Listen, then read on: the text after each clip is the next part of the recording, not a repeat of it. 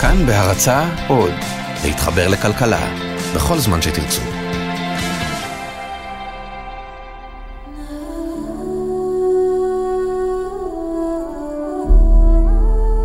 עברו מאז עשרים שנה, אבל אני עדיין יכולה להריח את ריח הפופקורן הטרי. בסלילים לא נעשה שימוש מעולם. איש עדיין לא שמע את הפסקול. זו הייתה ההקרנה המסחרית הראשונה בישראל של טיטניק. אמרו שהסרט הזה הוא הפקה מדהימה לסיפור עוצר נשימה, ברצינות ככה כתבו על המודעות, והוא היה. הוא באמת היה.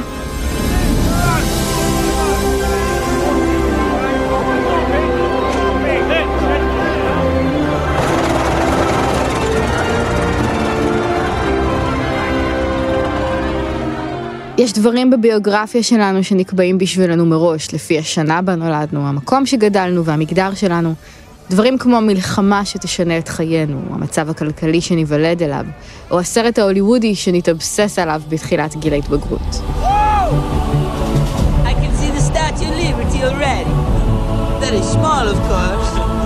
והרגע המדויק של היוולדות הליבידו שלנו.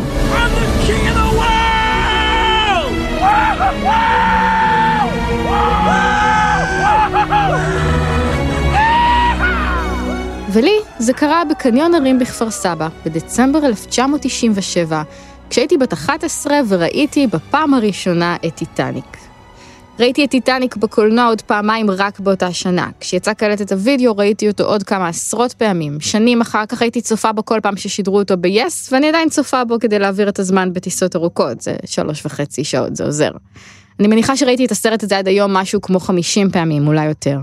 וככל שגדלתי וראיתי אותו שוב ושוב, גיליתי בו עושר עצום של פרטים שלא הבחנתי בהם בפעם הראשונה.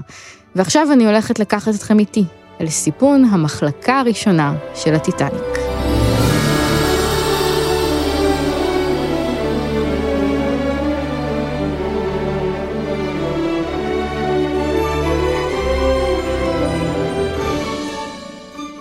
אתם על חיות כיס, הפודקאסט של כאן כלכלי. אני צליל אברהם. למי שלא ראה או לא זוכר מה בדיוק קורה שם, הסיפור בסרט טיטניק מתחיל ב-15 באפריל 1912, בהפלגת הבכורה של הספינה שאמרו עליה שאלוהים בעצמו לא יוכל להטביע אותה. אל המחלקה הראשונה בספינה עולה בת עשירים, נערה בת 17 בשם רוז דה וויט בוקייטר. רוז מפליגה מאירופה חזרה לפילדלפיה יחד עם אמה רות ועם הארוס שלה, טיפוס חלקלק בשם קל הוקלי. בערב הראשון על הספינה רוז מנסה להתאבד, ובחור אחר מהמחלקה השלישית שזכה בכרטיסים להפלגה במשחק פוקר, מציל אותה. I'm Jack Dawson. Rose DeWitt Buchater. I have to get you to write that one down. רוז וג'ק עושים את הדבר היחיד שיכולים לעשות נערה עשירה ונער עני על סיפון של ספינה בלב ים, מתאהבים. לאורך שלוש השעות של הסרט הם בורחים מהרוס המרושע ומהאם הקרה עד שהספינה מתנגשת בקרחון וטובעת. ולאורך השעה הראשונה של הסרט, כל כובע, כל ציור, כל שם של מישהו שנזרק לאוויר בארוחת ערב, הוא כמו יצירת אוריגמי שמקופל בתוכה סיפור היסטורי וכלכלי שמתפרס מאה שנה. סיפורה של האריסטוקרטיה האמריקאית. הם לא קוראים לעצמם אף פעם אריסטוקרטיה. זה הפרופסור אייל נווה, הוא היסטוריון מאוניברסיטת תל אביב, ועוד לפני שאני מספיקה לחבר את המיקרופון הוא מכריז, אריסטוקרטיה ואמריקה זה אוקסימורון. אין משפחות מלוכה בארצות הברית, אין דם כחול ואין תארי אצולה, הרי בשביל זה הקימו אותה. אבל בעצם יש. זו אצולה שמורכבת לא מאילנות יוחסין בני מאות שנים, אלא מכסף, משם שנבנה על פני שניים או שלושה דורות, ומהמון המון חוקים, גינונים, אירועים ואיתותים על איתותים שאתה שייך למעמד הנכון. חלק גדול מהאיתותים האלה היו פריטי לבוש, כיוון שהתפקיד של אופנה באותה תקופה, והתפקיד של נשים בעצם, היה לשאת על גופן את הסימנים לאושרה של המשפחה שלהן. כל הסימנים האלה ניכרים כבר ברגע הראשון שבו אנחנו רואים על המסך את רוז. I don't see what all the fuss is about. It doesn't look any bigger than the Mauritania. בסצנה הזו, לפני ההפלגה לטיטניק, רוז יורדת יחד עם הרוס שלה ממכונית שחורה, ואומרת שהיא לא מבינה ממה כל ההתלהבות, והטיטניק לא נראית לה יותר גדולה מספינה אחרת. היא לובשת מעיל לבן עם פסים סגולים, חולצה לבנה עם עניבה, ובעיקר היא חובשת כובע. כובע סגול ענק, שתופס חצי מהפריים. ועל הכובע יש פפיון עצום שכל אחד מהצדדים שלו עשוי ממעין ערימה של כריות סגולות. אחרי רוז יורדת מהמכונית אימא של הרות, וגם היא חובשת כובע, כובע שחור גדול ושטוח, שמראשו מתנפנף משהו שנראה כמו פייה עצומה של קומקום, או מקור של ציפור. ככה ג'יימס קמרון מכיר לנו את הדמויות הראשיות בסרט, וזה תיאור נאמן מאוד למציאות. אנחנו רואים את זה סביב התקופה של הטיטניק, שהכובעים נהיים גדולים ו- ומקושטים בצורה ממש מוטרפת. השימוש בנוצות אה, הוא מאוד מאוד משמעותי, והוא אפילו משפיע על החקיקה. בשלב מסוים באנגליה מעבירים חוק שאסור להשתמש בנוצות אה, מציפורים נדירות, בגלל שזנים שלמים של ציפורים פשוט מתחילים להיעלם מעל פני האדמה. זאת יערה קידר, היא יוצרת והיסטוריונית אופנה. היא מלמדת ב-NYU ועצרה את התערוכה על רונית אלקבץ במוזיאון העיצוב בחולון. יערה עוברת יחד איתי על שש התלבושות שרוז מספיקה ללבוש לפני שהטיטניק טובעת. היא מסבירה לי שלאורך המאה ה-19 ועד מלחמת העולם הראשונה, האופנה שלבשו נשים עשירות השתנתה לעיתים קרובות, אבל היה מאפיין אחד משותף לכל התלבושות. תמיד היה בהן לפחות חלק אחד כובע או מחשוף או שרוולים או ישבן שהיה כל כך מסורבל, ככה שהאישה לא תוכל לעשות דבר. הכובעים האלה משדרים בעצם את הניתוק של נשים מהעולם שבו נשים עובדות עושות, אנחנו לפני שנשים באמת הם חלק מהחברה. תמיד באופנה פריטי לבוש שהם מגבילים, שהם מסורבלים, שהם קובלים, באו לסמל את סמל הסטטוס, כי ברגע שאני מוגבלת בתנועה שלי, בתזוזה שלי, סימן שמישהו קודם כל מלביש אותי, מישהו אחר מבשל, מישהו אחר מכבס, מישהו אחר מנקה, או יותר נכון מי שהיא. המעמד והתקופה שרוז באה מהם ניכרים לא רק בכובע שלה, אפשר להבחין בהם בכל פרט מרגע שאנחנו רואים אותה. השמלות שהיא לובשת עשויות שכבות דקיקות ושקופות של תחרה ומשי, ושמלות הערב שלה, השמלה שהיא מנסה להתאבד בה למשל, שזורות חרוזים זעירים ונוצצים. שימוש בהרבה מאוד בדים, עבודה אינסופית של רקמות, של תחרות, של מלמלות, של כפלונים, של איזה אה, שפע מדהים. האושר ניכר לא רק בחומרים ובעבודה שהושקעה בבגדים, אלא גם בזמן שלקח ללבוש בגדים כאלה, שעות של קשירת מכוחים, עיצוב שיער וענידת תכשיטים, כמו חתונה כל ערב. אבל מדובר בהרבה יותר מאופנה. God, not those finger paintings again. They certainly were a waste of money. The difference between Cal's taste in art and mine is that I have some. They're fascinating. Like being inside a dream or something. There's truth but no logic. What's the artist's name? Something Picasso? Something Picasso. He won't amount to a thing. He won't, trust me. חצי שעה לתוך הסרט, קמרון עושה טריק שסרטים תקופתיים עושים הרבה. רוז, הגיבורה שלנו, אוהבת את האומן החדש והצעיר פיקאסו. היא גם מניחה בסוויטה שלה בספינה ציורים שהיא קנתה של פיקאסו ושל מונה ודגה. וקל הרוס הרשע חושב שאלה סתם קשקושים.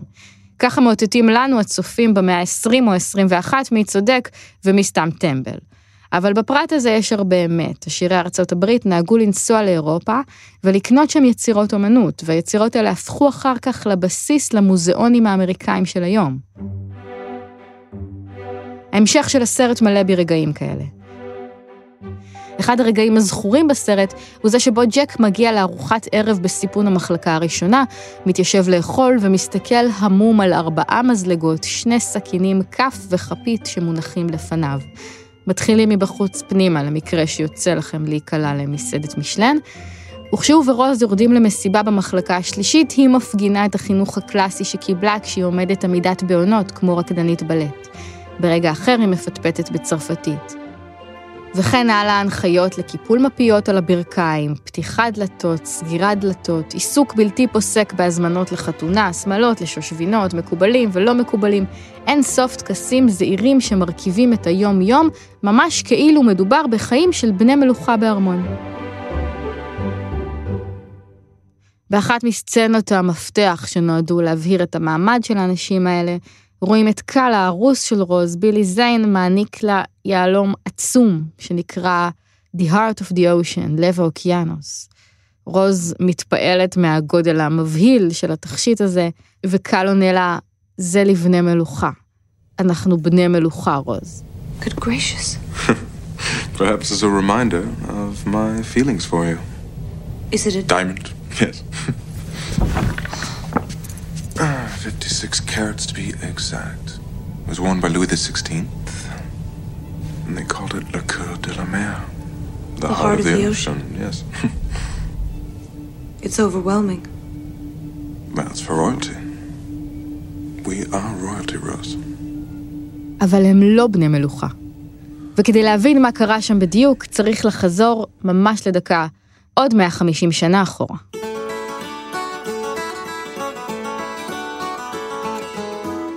ארצות הברית הוקמה כרפובליקה, ארץ חדשה שאין בה מלכים ואין בה אצולה, אין מעמדות ואין כסף ישן. כל הכסף בה הוא כסף חדש, וכל פועל יכול לרכוש אדמה ולהפוך לעיקר, בעל אמצעי ייצור. עד אמצע המאה ה-19 בעלי ההון הכי גדולים בארצות הברית היו בעלי אדמות ומטעים, בעלי עבדים ומגדלי כותנה. ובחוף המזרחי של ארצות הברית, בניו יורק, בבוסטון ובפילדלפיה, צמחה אליטה כלכלית של בעלי אדמות ושל סוחרים שהתעשרו מסחר בכותנה ואחר כך הפכו לבנקאים. לימן בראדרס למשל, התחילו כסוחרי כותנה מאלבמה. עשירי הדרום ועשירי הצפון נישאו זה לזה, ובהיעדר כסף ישן אמיתי, כמו באירופה, הם הפכו לכסף הישן. הם סיגלו לעצמם אורח חיים של בני אצולה האנגלים, הקימו קולג'ים יוקרתיים ולבשו את מה שלובשים בפריז. באמצע המאה ה-19 הילדים והנכדים שלהם כבר היו ילדים למשפחות ידועות. הם שיחקו פולו וגולף, למדו באוניברסיטה וסחרו בבורסה. ככה נולדה האליטה האמריקאית. וזו האריסטוקרטיה הקולוניאלית, שהיא בעצם האבות המייסדים של אמריקה, שיצרה אליטה. האליטה הזאת של החוף המזרחי, של בעלי עבדים ובנקאים וסוחרים עשירים בצפון, שגם התחתנו זה עם זה, והנה יש לך את ה... אני גם ותיק, אני גם עשיר, הם גם מאוד משכילים, הם מקימים את הקולג'ים הראשונים, שזה דבר מאוד אקסקלוסיבי, לא כולם הולכים לשם. ואז היא נוצרת לך אליטה כזאת. במלחמת האזרחים זה נגמר. עם ביטול העבדות, הדרום התרושש, זרם הכותנה לחוף המזרחי פסק. האליטה האמריקאית הפכה לאליטה ישנה, שיש לה עדיין שם נהדר, אבל פחות ופחות כסף. היא התחילה לרדת מנכסיה.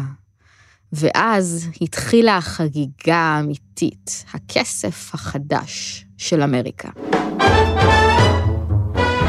זה היה כסף גדול באמת, לא כסף של חקלאות, אלא כסף של תעשייה. תוך כמה שנים קמו תעשיות ענק של פלדה, נפט, רכבות ובנקאות, כולן בבעלות פרטית. זו התקופה שבה רוקפלר זיקק נפט והפך לאיש העשיר ביותר מאז ומעולם, עד היום אם לוקחים בחשבון את האינפלציה. ג'יי פי מורגן הקים את חברת הפלדה הגדולה בארצות הברית, סלל מסילות רכבת והיה בעל מונופולים בארבעה תחומים שונים. אנדרו קרנגי ייצר במפעלים שלו בשנת 1900 יותר פלדה ממה שייצרה בריטניה כולה, ומס ההכנסה באותה תקופה היה אפס. אפס אחוז מס. תוך כמה שנים נולדה באמריקה שכבה חדשה של עושר שקשה לדמיין. התקופה הזו נקראה The Gilded Age, התור המוזהר. הסיפור של הטיטניק זה מין סיפור של מרכז הכובד של הכלכלה הבינלאומית, הוא עובר מלונדון לניו יורק. זה דוקטור נועם מגור, הוא מרצה להיסטוריה אמריקאית ולהיסטוריה של הקפיטליזם ב Queen Mary University of London. בין תחומי המחקר שלו, אריסטוקרטיה של בוסטון. אם אתה עוד פעם כאילו תחזור לטראמפ, אם אתה רוצה לדעת, זה When America became great, אז זה כאילו התקופה שארצות הברית הופכת מבעצם אומה חקלאית, בעצם אומת ספר, אומה שהיא בשוליים של הכלכלה הבינלאומית, לאומה התעשייתית הכי גדולה בעולם. ויותר גדולה מאנגליה, צרפת וגרמניה ביחד. למתעשרים החדשים היה המון כסף, אבל היה משהו שהם רצו ולא היה להם. ייחוס. ייחוס היה לאנשי הכסף הישן, אלה שבמשך עשרות שנים טבעו חוקים על חוקים של איך לאכול ומה ללבוש ואיך להתנהג. צד אחד היה נואש למעמד חברתי, הצד השני היה נואש לכסף. המתעשרים החדשים ניסו להתערות באליטה של החוף המזרחי, לא להיות רק כסף חדש, אלא להפוך לחלק מהחברה הגבוהה. ואיך יודעים מי שייך ומי לא כשאין תארי אצולה כמו באירופה? בדיוק בשביל זה יש את הכובע הנכון, ואת הגילים הנכונים, ואת המסיבות הנכונות. מעמד שקיים כביכול מאות שנים, והוא תמיד מחובר למקום אחד, לאחוזה ולאזור מסוים. אין דבר כזה באמריקה. מה שיש, זה יש הון ישן שמאמץ לעצמו גינונים מסוימים ומנסה לבצר את עצמם על ידי זה שהם אומרים, אה, אנחנו כבר הרבה דורות עשינו, אנחנו אחראים יותר מהאנשים העשירים החדשים, הם לא אחראים, הם אה, ספקולטיביים, הם מסוכנים לסדר החברתי, אנחנו האנשים שאנחנו למדנו בהרווארד, אנחנו עברנו איזשהו תהליך של אה, מה שנקרא socialization, כלומר, גידלו אותנו כדי להיות הקברניטים של המשק האמריקאי ושל החברה האמריקאית. ככה הכסף החדש התחיל לחלחל אל הכסף הישן של אמריקה, בתהליך ארוך של היטמעות. עד אותם שנים לחברה הגבוהה כבר היה אורח חיים שכדי לעמוד בדרישות שלו, היה צורך גם באינסוף כסף, אבל גם בתועפות של פנאי, להתקבל אליהם וללמוד את הגינונים שלהם הייתה עבודה במשרה מלאה. ובזמן שהגברים המתעשרים החדשים עשו כסף, הנשים שלהם היו אחראיות על החלק של להשיג את המעמד. כל החיים החברתיים של המעמד העליון זה משהו שהנשים הן אחראיות עליו. הן הארכיטקטיות נקרא לזה, של הצד החברתי. זה עיסוק בלתי נגמר, כן? כי אתה צריך אה, גם מבחינת אופנה, גם מבחינת אה, כל הזמן להיות עסוקים מי מוזמן לאיזה אירוע. מי נמצא ברשימה, מי לא נמצא ברשימה, מי ראוי, מישהו עשה איזושהי טעות, אה, עשה משהו שהוא, יש איזשהו סקנדל, מיד מורידים אותו מהרשימה. אחד הסיפורים הכי מפורסמים מהתקופה הזאת הוא סיפורה של משפחת ונדרבילט. משפחת מתעשרים חדשים, שרצתה להיכנס לחברה הגבוהה של הכסף הישן, אבל הגברת הראשונה של החברה הגבוהה, גברת אסטור, לא הזמינה את גברת ונדרבילט לנשפים שלה ולא הכירה בקיומה. גברת ונדרבילט לא התייאשה. היא בנתה למשפחתה בסדרה החמישית בניו יורק בית גדול כל כך, שכל החברה הגבוהה בניו יורק עקבה אחרי התקדמותו. ובתוך הבית היא תכננה אולם נשפים עצום, שכמוהו לא נראה וכולם דיברו עליו. ולנשף הראשון שהיא ערכה באולם הנשפים שלה, היא הזמינה את כולם מלבד את גברת אסטור. וכששאלו את גברת ונדרבילט למה היא לא הזמינה את אסטור, היא ענתה שהיא פשוט מעולם לא פגשה אותה. גברת אסטור מחלה על כבודה, ביקשה הזמנה לנשף עבור בנותיה, וכך משפחת ונדרבילט התקבלה לחברה הגבוהה של ניו יורק. הסיפור הזה הופיע בעיתונים. וזו החברה שממנה באה רוז דה וויט בוקייטר. חברה שבה בנות סוחרים בעלי מעמד נישאו למתעשרים חדשים בעלי כסף, וכולם חגגו את שילוב הכוחות הזה באורגיה של אירועים נוצצים, תכשיטים והפלגות פאר. הרגע הכי מעניין מבחינה היסטורית בטיטניק זה שמוכיח מעל לכל ספק כמה הדיוק ההיסטורי בסרט הזה מרשים, הוא בתחילת ארוחת הערב החגיגית ההיא שבה ג'ק מצטרף למשפחה של רוז. בשלב קבלת הפנים, רוז מספרת לג'ק מי האנשים שהוא רואה סביבו. כל מי שרוז מדברת עליהם בסצנה הזאת הם אנשים אמיתיים לגמרי, שחיו בחברה הגבוהה בארצות הברית בתחילת המאה ה-20 ושהיו על הטיטניק. That's John Jacob Astor. The richest man on the ship. ג'ון ג'ייקוב אסטור השלישי, מגברת אסטור מהסיפור הקודם. סבא שלו, ג'ון ג'ייקוב אסטור הראשון, היה בעל אדמות רבות כל כך עד שכונה בעל הבית של ניו יורק. במותו באמצע המאה ה-19, הוא היה האיש העשיר ביותר בארצות הברית. And that's Benjamin Guggenheim and his mistress, Madame Aubert. בנג'מין גוגנהיים היה בנו של מאיר גוגנהיים, שקנה מכרות כסף בקולורדו והתעשר. על שם משפחת גוגנהיים קרויים עד היום כמה מוזיאוני גוגנהיים מסביב לעולם. And over here we have Sir Cosmo and Lucille Lady Duff Gordon. She designs naughty lingerie. ליידי דף גורדון הייתה מעצבת אופנה שהביאה לנשות ארצות הברית את מיטב האופנה מפריז, ואגב, רוז לא סתם מקשקשת על כל האנשים האלה. עד עלייתה של הוליווד בשנות ה-30, אלה היו הסלבס. כתבו בעיתונים באופן קבוע על הנישואים שלהם ועל הרומנים שלהם. ויש עוד בן אדם אחד שאנחנו צריכים לשים לב אליו ב name dropping הזה, למרות שהוא לא היה קיים באמת. הארוס של רוז, קל. הדבר הכי חשוב שאנחנו צריכים לדעת על קל נאמר בתחילת אותה ארוחת ערב.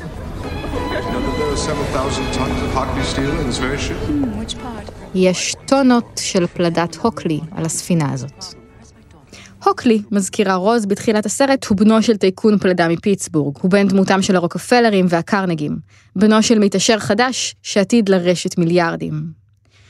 וזהו, יש פה כסף חדש מפיטסבורג, יש פה כסף ישן מפילדלפיה, עכשיו רק צריך להניח את החתיכה האחרונה בפאזל.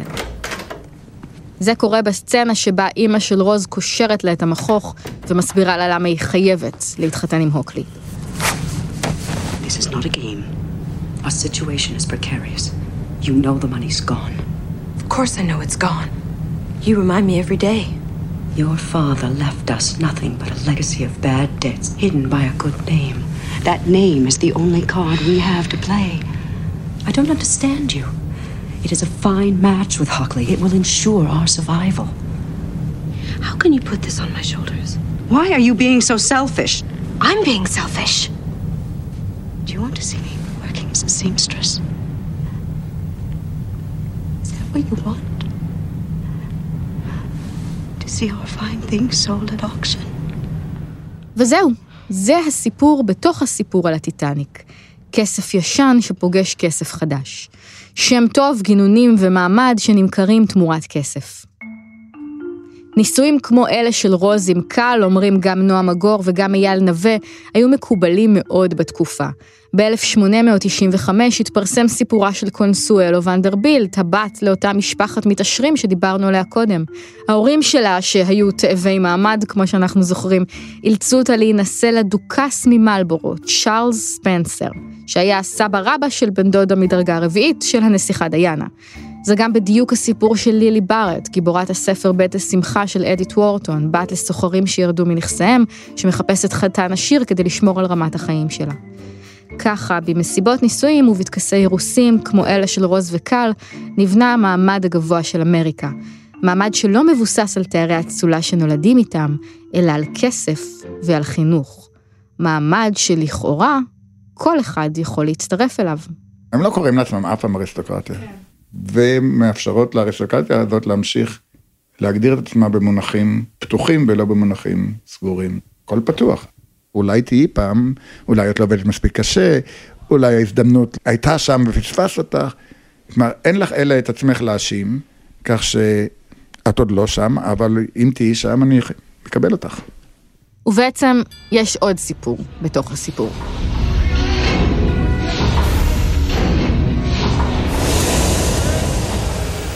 זו לא המטאפורה הקולנועית הכי מתוחכמת בעולם. למטה, בבטן הטיטניק, רואים את החדרים הצפופים של נושאי המחלקה השלישית.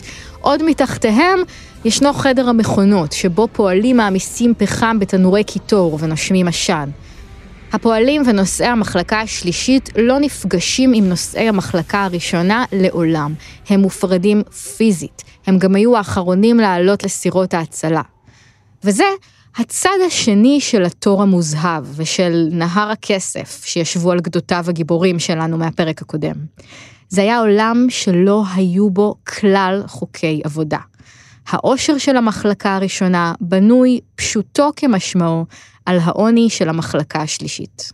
השכר הוא מאוד מאוד נמוך, כי לא מרשים להם להתארגן ואין שכר מינימום ודברים כאלה, השכר הוא מאוד מאוד נמוך. אין חוקים של בטיחות, לאנשים מתים בכמויות מאוד מאוד אה, גדולות כתוצאה מתאונות, כי פשוט אין שום פיקוח ואין שום ניסיון בעצם לייצר תנאי עבודה יותר בטיחותיים.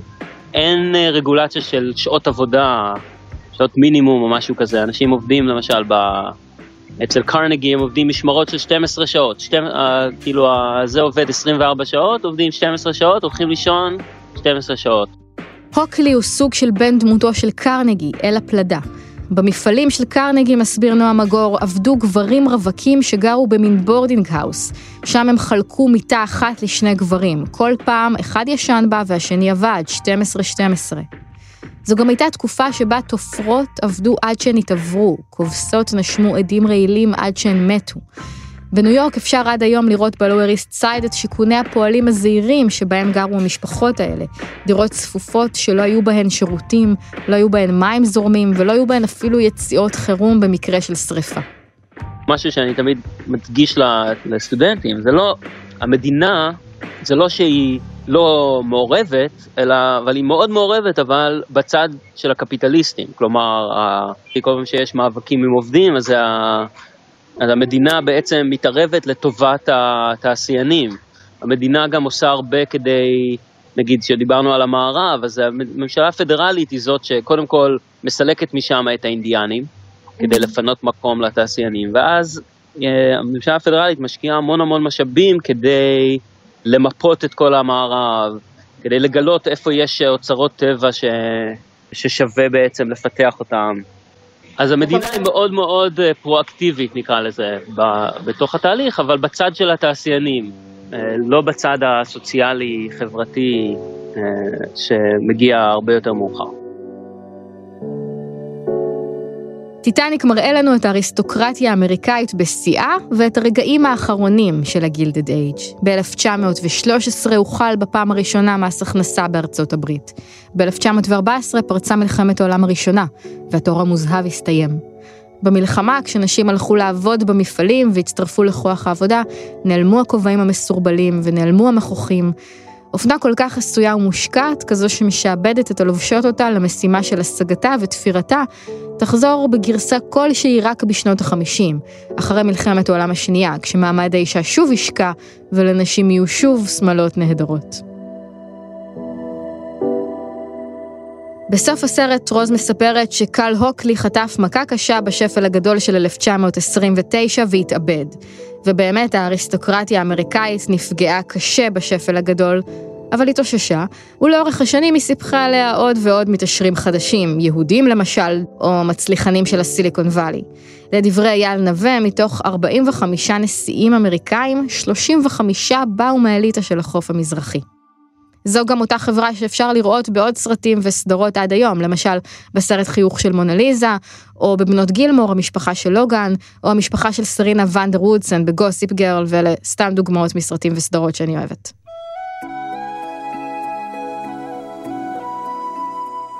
בעונת האוסקרים של 98, לפני 20 שנה בדיוק, טיטניק זכה ב-11 פרסים. הוא הכניס עד היום 2 מיליארד ו-100 מיליון דולר, והוא הסרט הכי מכניס אי פעם אחרי אבטאר.